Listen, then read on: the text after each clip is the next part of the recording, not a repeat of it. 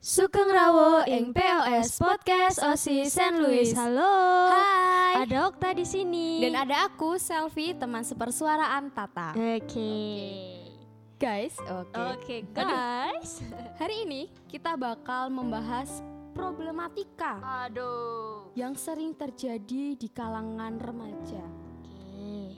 Sadar nggak sadar, apalagi yang seumuran kita, kaum milenial, sekarang tuh pada kenal kena mental breakdance, Aduh, mental breakdance. Apa tuh mental breakdance? mental goyang. Mental goyang. So, hari ini kita bakal kupas habis tentang mental health atau kesehatan mental, Mm-mm. terkhususnya tentang self care and love yourself. Oke. Oke, jadi nggak kayak aku tuh nggak bisa diginiin, mental aku nggak kuat, tapi kita harus tahu apa itu kesehatan mental dan apa makna dari mental itu sendiri.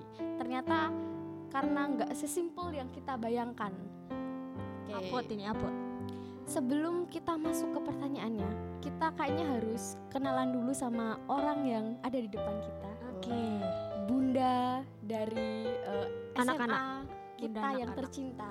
Karena sebelumnya kita kan sudah mengundang Kanjeng Ratu Mami Ibu. Iya. Sekarang, Titelnya banyak Heeh. ya. eh, kayak kereta. Oke, sekarang Bunda. Kenapa Bunda biar dia tuh lemah lembut mengayomi melindungi. Aduh. Uh, siapakah dia?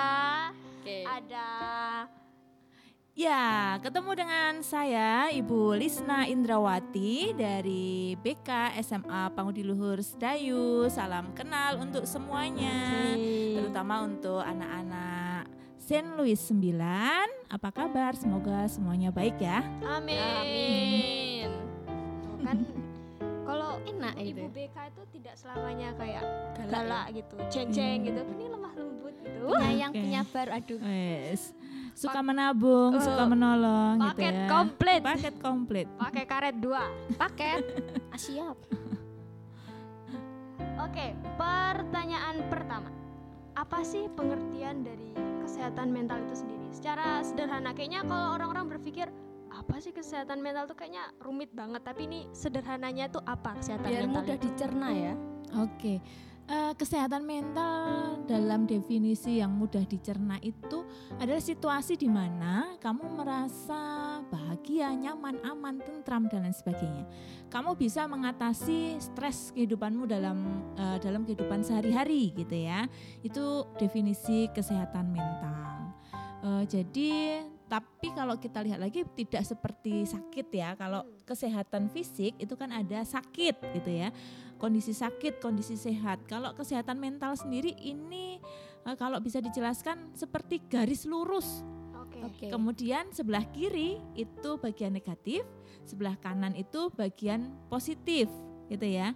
Jadi kalau misalnya kita dalam situasi down, situasi depresi, situasi stres, kehilangan orang yang kita sayangi, putus cinta misalnya, Hmm, pernah mengalami oke. putus cinta? Sering. Ay, Aduh. sering, ya ampun. Atau belum putus cinta sudah ditolak duluan? Di ghosting sih. Oh iya ya ampun kasihan ya rasanya. belum juga jadi. Oh, oh, sudah Udah ditinggal. perih. Ya, oke. Itu situasi di mana kita kesehatan mental mengarah pada eh, kiri bagian negatif. Tetapi ketika kita happy, kita nyaman dan lain sebagainya, kita menuju ke arah yang positif. Jadi tidak seperti sisi putih dan hitam, kita sehat atau sakit, tetapi itu kita ada di dalamnya.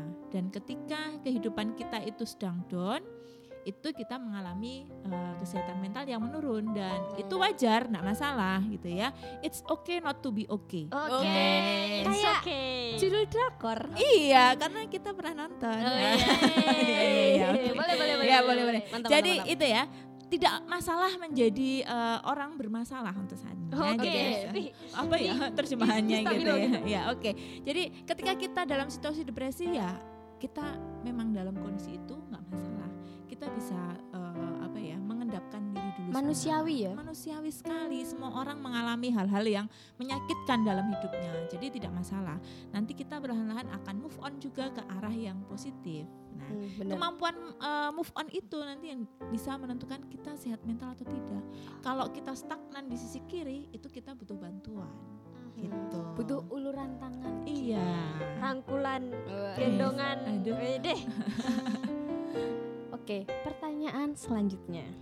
Oh iya, selain itu masa remaja atau masa-masa zaman-zaman kita itu kan Zaman masa di- now. Iya, zaman di mana kita mulai mengenal diri kita sendiri. Kita mulai mencari jati diri kita yang sebenarnya itu siapa sih? Oke.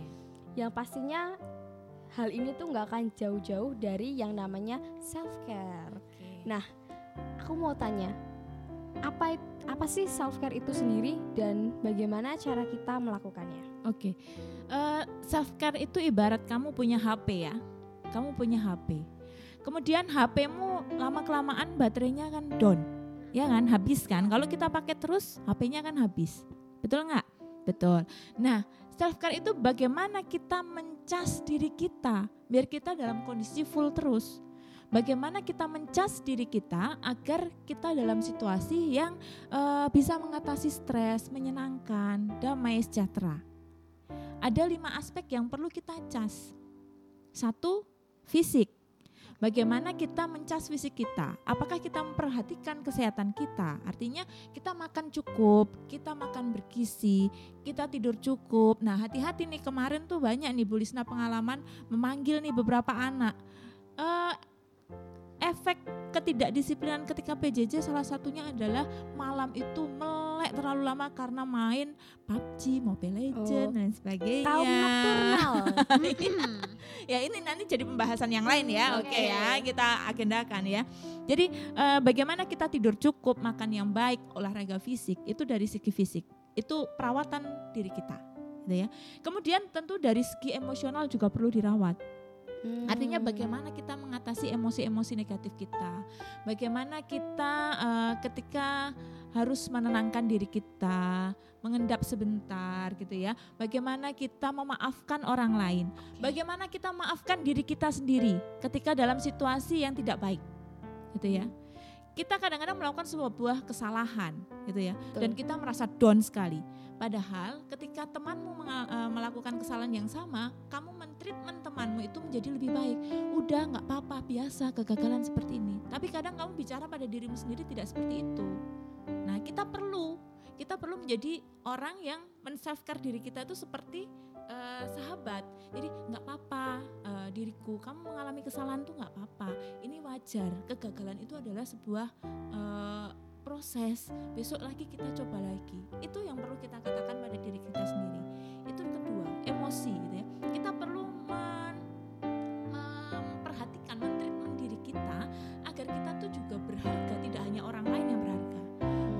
Ketika se- kita down, lakukan sesuatu seperti ketika orang yang kamu sayangi itu down.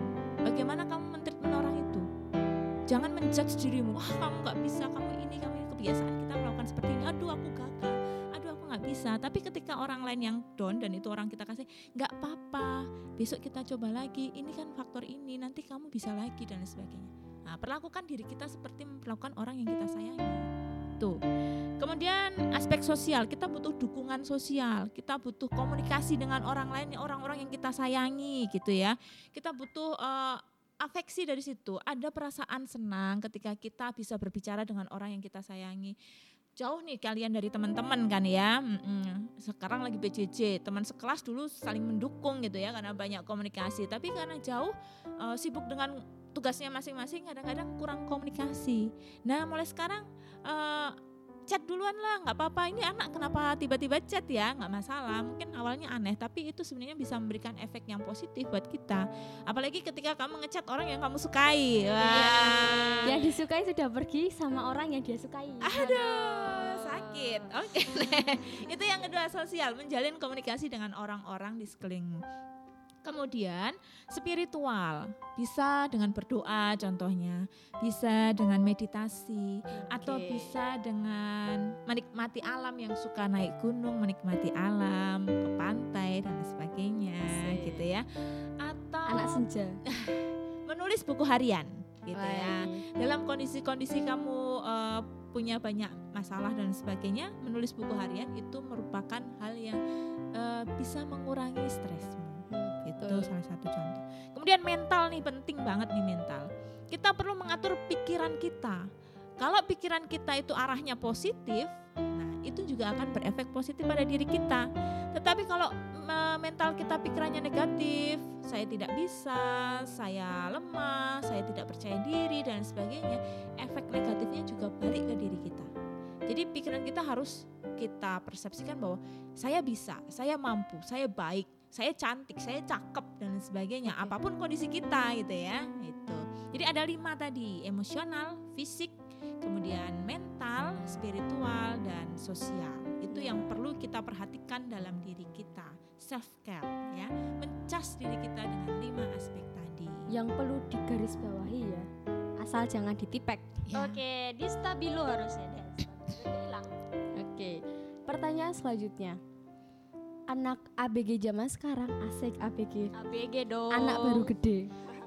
Anak angkatan babe gue. Aduh.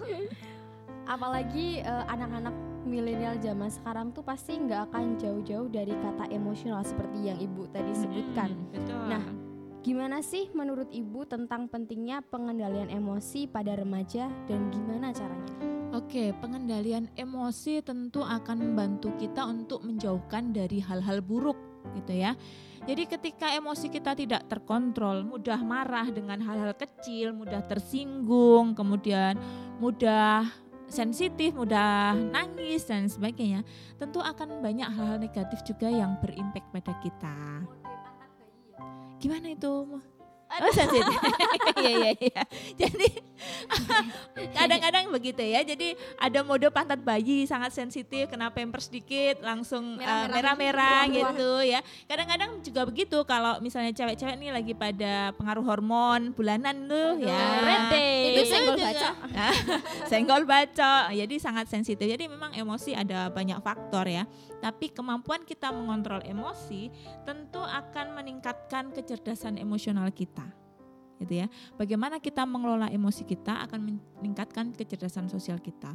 Karena akan menjauhkan kita dari hal-hal buruk akibat tidak bisa mengontrol emosi. Hal-hal buruk itu banyak sekali yang bisa kita bisa lihat dari situasi di lingkungan kita. Contoh eh, hal kecil saja sekarang itu banyak sekali kasus-kasus kriminal di televisi. Memprihatinkan Ibu, ya. iya, ibu membunuh anaknya, Aduh. suami membacok istrinya. gitu. Aduh. ngeri banget gitu ya kalau kita lihat. Itu akibat tidak bisa mengontrol emosi atau kecerdasan emosional rendah gitu ya. Jadi penting bagi kita yang masih remaja ini bagaimana ketika kita emosi, kita ambil nafas lah dulu diam sebentar. Gitu ya. Kita berhitung, kita diam sampai kita cukup apa ya kalau bahasa Jawanya lerem gitu Oh, ya. Mendep, mendep, sidik mendep. Jadi emosinya levelnya kalau tadinya 98 levelnya turun sampai 50 ambil nafas dulu, ambil nafas dulu. Kalau kamu sudah merasa bahwa oh aku sudah bisa bicara dengan baik, mengatakan ketidaksukaanku, mengatakan ketidaksetujuanku, maka baru bicara. Hmm, Berarti Gitu. pakai kepala dingin ya. Iya, kepala dingin, hati gitu, wajah tersenyum. Asal jangan dia yang dingin. Aduh, itu Curhat ya, iya, Mbak. Curhat ya. Ya, Siti. Oke, jadi gitu ya, Bu, ya. iya. Eh, bicara tentang self care tadi kita kan, pasti terbesit di pikiran kita tuh mengenai love yourself. Oke. ingat nggak ini judul nggak judul siapa ya. ini? Judul siapa? Justin Bieber. Oke, Yeay. love yourself. gimana lagunya? Love yourself. Cek sound. Cek sound, cek sound. Jadi aku ada pertanyaan nih bu. Eh, buat remaja yang masih suka insecure sekarang kan insecure aku nggak pede, aku nggak cantik, aku gini, aku Aduh, gitu. aku kentang padahal dia tomat. Oke. Caranya agar kita bisa lebih menerima diri, mencintai diri kita sendiri itu gimana? Dan kan kita manusia tuh kan punya kekurangan, Iya. kelebihan tuh biar kita oh, aku tuh istimewa gitu. Jadi Betul. caranya tuh gimana? Ya, Kayak betul. martabak. Iya, eh, kalau dilihat memang eh, sebagian remaja kita itu tuh mau merasa insecure. Jadi dia merasa cemas, merasa tidak mampu, merasa tidak percaya diri gitu ya. Padahal sebenarnya itu tidak perlu gitu. Karena setiap diri kita itu unik.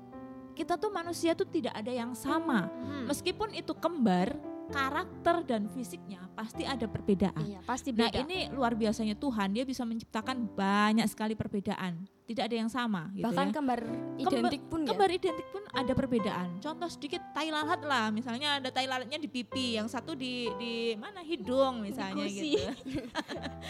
Contoh gitu ya. Jadi kita tidak perlu merasa bahwa eh, kok saya berbeda ya dengan orang lain.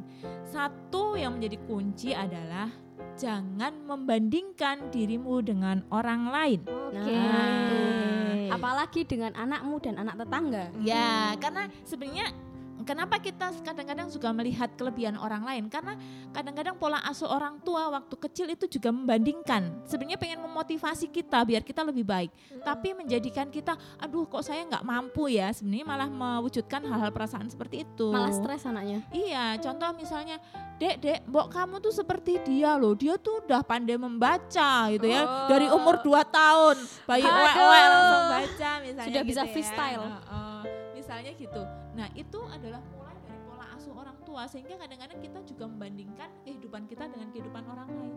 Wah dia cantik, dia pintar, dia tidak ada kekurangan, hidupnya juga secara ekonomi baik. Tomat tadi kata Mbak. tomat. aku nih tomat atau mungkin aku nih bungkus es teh gitu ya. yang dibuang di tempat sampah cer gitu ya kasihan. Jadi eh, jangan pernah membandingkan dirimu dengan orang lain. Karena kamu unik.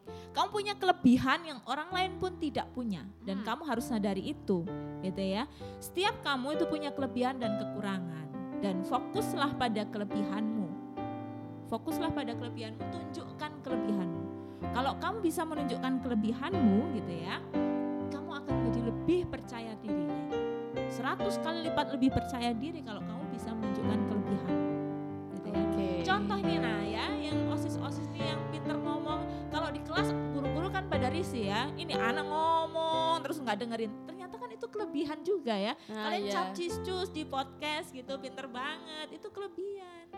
Ya, kadang-kadang bapak ibu guru, aduh ini anak cerewet banget di dalam kelas gitu ya, bikin rese nih pelajaran nih, bikin kamu Oke. ya sih? Kamu salah satu pelakunya ya. ternyata itu adalah kelebihan gitu ya jadi kita lihat sisi positif kita satu jangan bandingkan dengan orang lain kedua tunjukkan kelebihanmu dan selalu lihat sisi kita yang positif daripada yang negatif gitu ya Oke. itu salah satu kunci bagaimana kita bisa apa ya eh, menjadi lebih percaya diri lebih menerima diri. Lalu satu maafkanlah diri kita. Nah, itu. Nah, Kadang orang itu, angel. belum keluar dari jurang kepedihannya sendiri. Ah itu. Kadang-kadang kita gagal terhadap target yang kita ciptakan sendiri. Dan kadang-kadang kita down gitu kan. Padahal ketika sahabat kita yang down kita mentreatment dia itu agar dia bangkit misalnya ayo nggak apa-apa gagal nggak apa-apa biasa besok kita coba lagi ini baik-baik saja semuanya akan baik-baik saja tapi kadang-kadang kalau diri kita sendiri yang gagal kita bilang aduh saya nggak bisa saya nggak mampu aku goblok banget sih gitu Waduh. kan, misalnya ya Oke. misalnya begitu kadang-kadang kita mentreatment diri kita itu berbeda. Nah mulai sekarang treatment diri kamu itu seperti ketika kamu itu mentreatment orang yang kamu sayangi kamu cintai itu down. Bagaimana kamu Oke. mendukung dia kamu lakukan untuk dirimu sendiri juga. Dan maafkan misalnya eh, kegagalanmu itu kamu harus maafkan juga itu karena kita juga harus mencintai diri kita tidak kadang-kadang kalian lebih mencintai orang lain daripada diri kita Oke. ya kan gitu. Berarti melepas beban masa lalu. Iya. betul move on move on ya It's kan? okay. Move on Mbak Tata. Wah. Jadi gitu ya Bu ya. Jadi Iya. pertama itu sadari kelebihan kita, Betul. terus memaafkan. Kembangkan juga kelebihan tadi. Maafkan diri Betul. Dan satu paling penting tidak boleh membandingkan dengan orang lain. Kamu harus percaya diri dengan kemampuanmu sendiri. Oke. ya. Gitu ya teman-teman. Terima kasih Bu Lisna sudah mengupas habis mengulik, merajang. Pokoknya gitu deh. Meraci. Meraci pokoknya sudah dikupas habis tentang mental health, love yourself, gimana cara self care. Jadi semoga teman-teman bisa membantu lebih menyayangi dirinya sendiri dan Jangan dong, insecure lagi. jangan insecure lagi. Jadi aku juga mau ngasih tahu nih, Mbak Selvi ini ada satu kutipan, Oke. kutipan the, the best gitu. Eh, Jadi eh, aku punya pesan terakhir yang aku kutip dari kata atau kalimat 10 NCT, oke. Oke. Anak milenial pasti tahu lah siapa itu NCT. Oke, apa Yaitu tuh? Be you, be unique, be crazy, you are beautiful. Oke, Oke. mantap. Gitu ya teman-teman. Eh, sebelumnya makasih Bu Lisna udah datang ke sini, nyempetin ke sini, share-share semua ilmu pengetahuan yang sudah terpendam selama ini. Terima kasih. Eh, semoga kalau ada lain waktu bisa datang ke sini lagi. Siap, terima kasih sudah diundang ke sini. Semoga nanti ada eh, banyak manfaat yang bisa diambil dari podcast ini dan juga Bu Lisna kalau ada yang mau japri-japri untuk konsultasi lebih lanjut juga menerima. Silahkan Boleh, boleh, boleh, nomor di bawah Iya. ini. Eh, aku juga pengen ngasih tahu teman-teman. Eh, yang masih sering ngerasa "Ih, dunia tuh kok nggak adil banget ya buat aku. Orang-orang di sekitar aku tuh kok nggak ngertiin aku. Kok semua nggak ada yang berpihak sama aku tuh kenapa? Semua pergi. iya. I need to tell you something guys. Karena ketika yang kamu harapkan itu nggak sesuai sama keinginanmu itu bukan salah dunia atau keadaan tapi balik lagi ke pribadi masing-masing gimana sih menyikapi kegagalan itu gimana sih caranya bersyukur akan semua yang telah didapat selama ini jadi ayo bangkit kalau nggak sanggup lari ya jalan aja pelan-pelan gitu Betul. Nek nggak bisa tetap jalan ngesot aja. Oke, Ha-ha. asal jangan berhenti dan larut dalam kegagalan itu. Betul, betul, betul. So, quotes of the day Oke. Bukan dunia yang mengikuti langkahmu, namun dirimulah yang menyesuaikan apa yang sedang terjadi di dunia. Gitu. Oke. Mantap. So, mantap. Jangan lupa bersyukur, tetap sayangi dirimu karena kalau Dirimu sayang tuh berharga. Oke. Jadi kamu tuh nggak pernah sendiri. Kita sayang kamu, kamu juga sayang aku gitu. Cie. Jangan lupa sayangi dirimu sendiri. Betul. Ya jangan orang lain mulu yang anda sayangi ya. Oke, jadi segitu dulu ya teman-teman. Makasih udah dengerin sampai akhir. Semoga hari, Hari kalian nggak menyenangkan. menyenangkan, nggak stres, menyenangkan, nggak stres. Jadi teman-teman stay safe Stay healthy and bye bye, bye bye Lisna. Dadah Thank you.